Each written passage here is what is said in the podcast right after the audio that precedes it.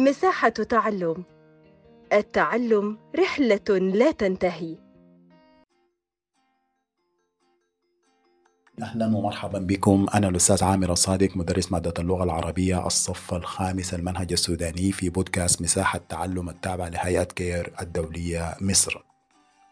أحبتي اليوم نحن في الوحدة الثالثة الدرس الأول بعنوان تربية الأبناء. تربية الأبناء مسؤولية الأب والأم والأسرة والأب والأم الصالحان هما اللذان يوفران الرعاية السعيدة المريحة لأبنائهما. الأب راع وهو مسؤول عن رعيته. الأب هو الذي يوفر دخل الأسرة وهو الذي يرعى حالها ويدير اقتصادياتها وهو القدوة الحسنة لأبنائه وهو الذي يحسن تربيتهم وتعليمهم ورعايتهم. والأم راعية وهي مسؤولة عن رعيتها والأم هي التي ترعى الطفل منذ أن كان جنينا وترضعه وترعاه طفلا صغيرا وتحن عليه وهو ينمو. والأم الصالحة هي التي تعطي القدوة الحسنة لبنيها وبناتها وتتعاون هي وزوجها في رعاية شؤون أسرتها. ومن حق الأبناء على الآباء حسن اختيار أسمائهم ورعايتهم بالتربية والتعليم والعطف والحنان. وتدبير الغذاء والكساء لهم ومعاملتهم بالمساواة والعدل. والأبناء البرر هم الذين تقر بهم الأعين يطيعون آباءهم ويرعونهم في شيخوختهم. قال صلى الله عليه وسلم رضا الله في رضا الوالدين. الأسرة الصالحة هي التي تتعاون في سبيل سعادة جميع أفرادها. أعضاء الأسرة جميعا مسؤولون عن الاعتدال في الصرف والادخار من أجل مستقبلهم. في رحمة الكبير للصغير وتوقير الكبير. قال صلى الله عليه وسلم ليس منا من لم يوقر كبيرنا ويرحم صغيرنا. والأسرة الناجحة هي التي يتعاون فيها الأب والأم على تربية أبنائهم بالعدل والإحسان ومشاركة الزوج لزوجته في شؤون الأسرة من الواجبات الأساسية لسعادة الأسرة. ورعاية الزوج لزوجته وأبنائه واجب. وتدارس الزوج وزوجته في شؤون الأسرة من حيث الغذاء والكساء ومستقبل أبنائهما واجب. كل ذلك لتعيش الأسرة في هناء وسعادة ما شاء لها مع إمكانياتها التي تحصل عليها. هل من بعض الكلمات صعبة عليك؟ ضع خطا تحتها.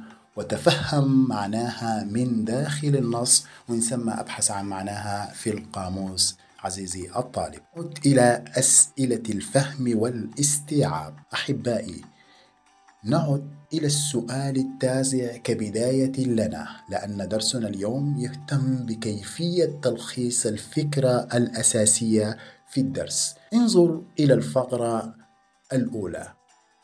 من ثم دقق معي في الفقرة الثانية.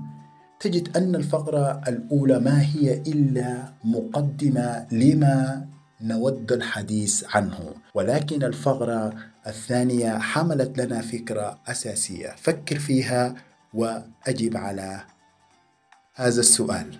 ودور الأب. أسمعوا هو راعي ومسؤول عن رعيته. إذا ملخص هذه الفقرة هي مسؤولية الأب أو رعاية ومسؤولية الأب. أي تعبير وصلت إليه هو تعبير جيد. في السؤال العاشر الفقرة الثالثة تتحدث عن عم تتحدث عن الأم وهي أيضا مسؤولة وراعية. إذا ملخص هذه الفقرة رعاية الأم ومسؤوليتها عزيزي الطالب.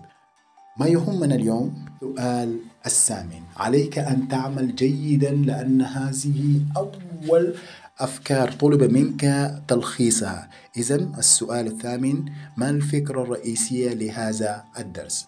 أريد منك أن تقوم بهذا الواجب حتى تتعلم معنى الفكرة الرئيسية لكل درس وتجيد تلخيصها. أحبائي نعد إلى السؤال الأول. بمن يقتدي الأبناء؟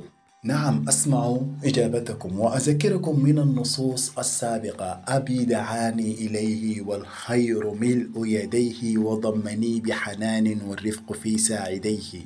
إذا الإجابة هنا بمن نستعين؟ الأب هو ذاك رمز في العائلة الذي نقتدي به جميعا. إذا الأب هو ركازة البيت. طيب السؤال الثاني. ماذا يمثل الأب بالنسبة لأبنائه؟ نعم الأب هو القدوة الحسنة التي نقتدي بها. هو رمز للعطاء هو رمز للسعي لنا في الأسرة. إذا كل الإجابات التي ذكرت هي في صلب الموضوع وإجابات صحيحة. أشكركم. ما دور الأم في تربية الأبناء؟ نعم التي أحبها من مثلها في فضلها. باركهما يا ربنا واحفظهما دوما لنا. أعلم دور الأم هو كدور الأب. هي مسؤولة وراعية في البيت. المجتمع هي نصف قد حوى كل المعاني كما سندرس في نص قادم إن شاء الله. ما حقوق الأبناء على آبائهم؟ أحبتي نحن نعلم أن حقوق الأبناء على آبائهم. آه إجابة صحيحة أسمعك. إذا اختيار الأسماء الجيدة يعني شنو ما ممكن يسموني اسم ما حلو. إذا هم يختاروا لي اسم جميل تمام؟ وأيضا هم لازم يرعونا ويعلمونا ويحبونا ويرونا العطف والحنان وكذلك يعاملون بالمساواة ما يفرقوا بيناتنا ودي حاجة مهمة أحبائي استخدموها غدا كثمرة لكم في تربية أبنائكم عندما تصبحون آباء وأمهات إن شاء الله أحبتي ما فائدة التخطيط في حياة الأسرة على مستوى على المستوى المالي؟ نعم الأسرة التي تخطط من ناحية مالية هي تضمن مستقبلها ولا تضمن الأسرة مستقبلها إلا بالاعتدال في الصرف وجميع أفرادها لابد أن يكونوا معتدلين في الصرف. يعني ما ممكن واحد مننا يكون مسرف ويبدد كل القروش والثاني الأم تجي على نفسها وما تجيب لنفسها حاجات وتدخر وأنا بعدين أجي أقول لها يا أخي أنت ما خليت لي حاجة. إذا الاعتدال والادخار يؤمن مستقبل الأسرة أحبة الطلاب ما فائدة التخطيط في حياة الأسرة من حيث عدد أفرادها؟ نعم يعود عليهم بثمرة ضمان المستقبل وهنا لابد أن يعمل الجميع بالتساوي أي أن يكونوا جميعا مسؤولين عن الأفكار التي ذكرناها ومتعاونين من أجل هدف وأن يكونوا معتدلين في الصرف والادخار وكل ذلك بهدف المستقبل الجيد ماذا استفدت عزيزي الطالب من هذا الدرس؟ لك الإجابة أنت أسمع كل الإجابات التي استمع إذا منكم من قال لابد أن أحتدل لابد أن أكون متعاونا مع أسرتي لابد أن أدخر. كل هذه أشياء أنتم استفدتم منها وقد ستكون الفائدة أبنائي عندما تصبحون آباء وأمهات كما ذكرت لكم. إلى هذا الحد أحبة الطلاب.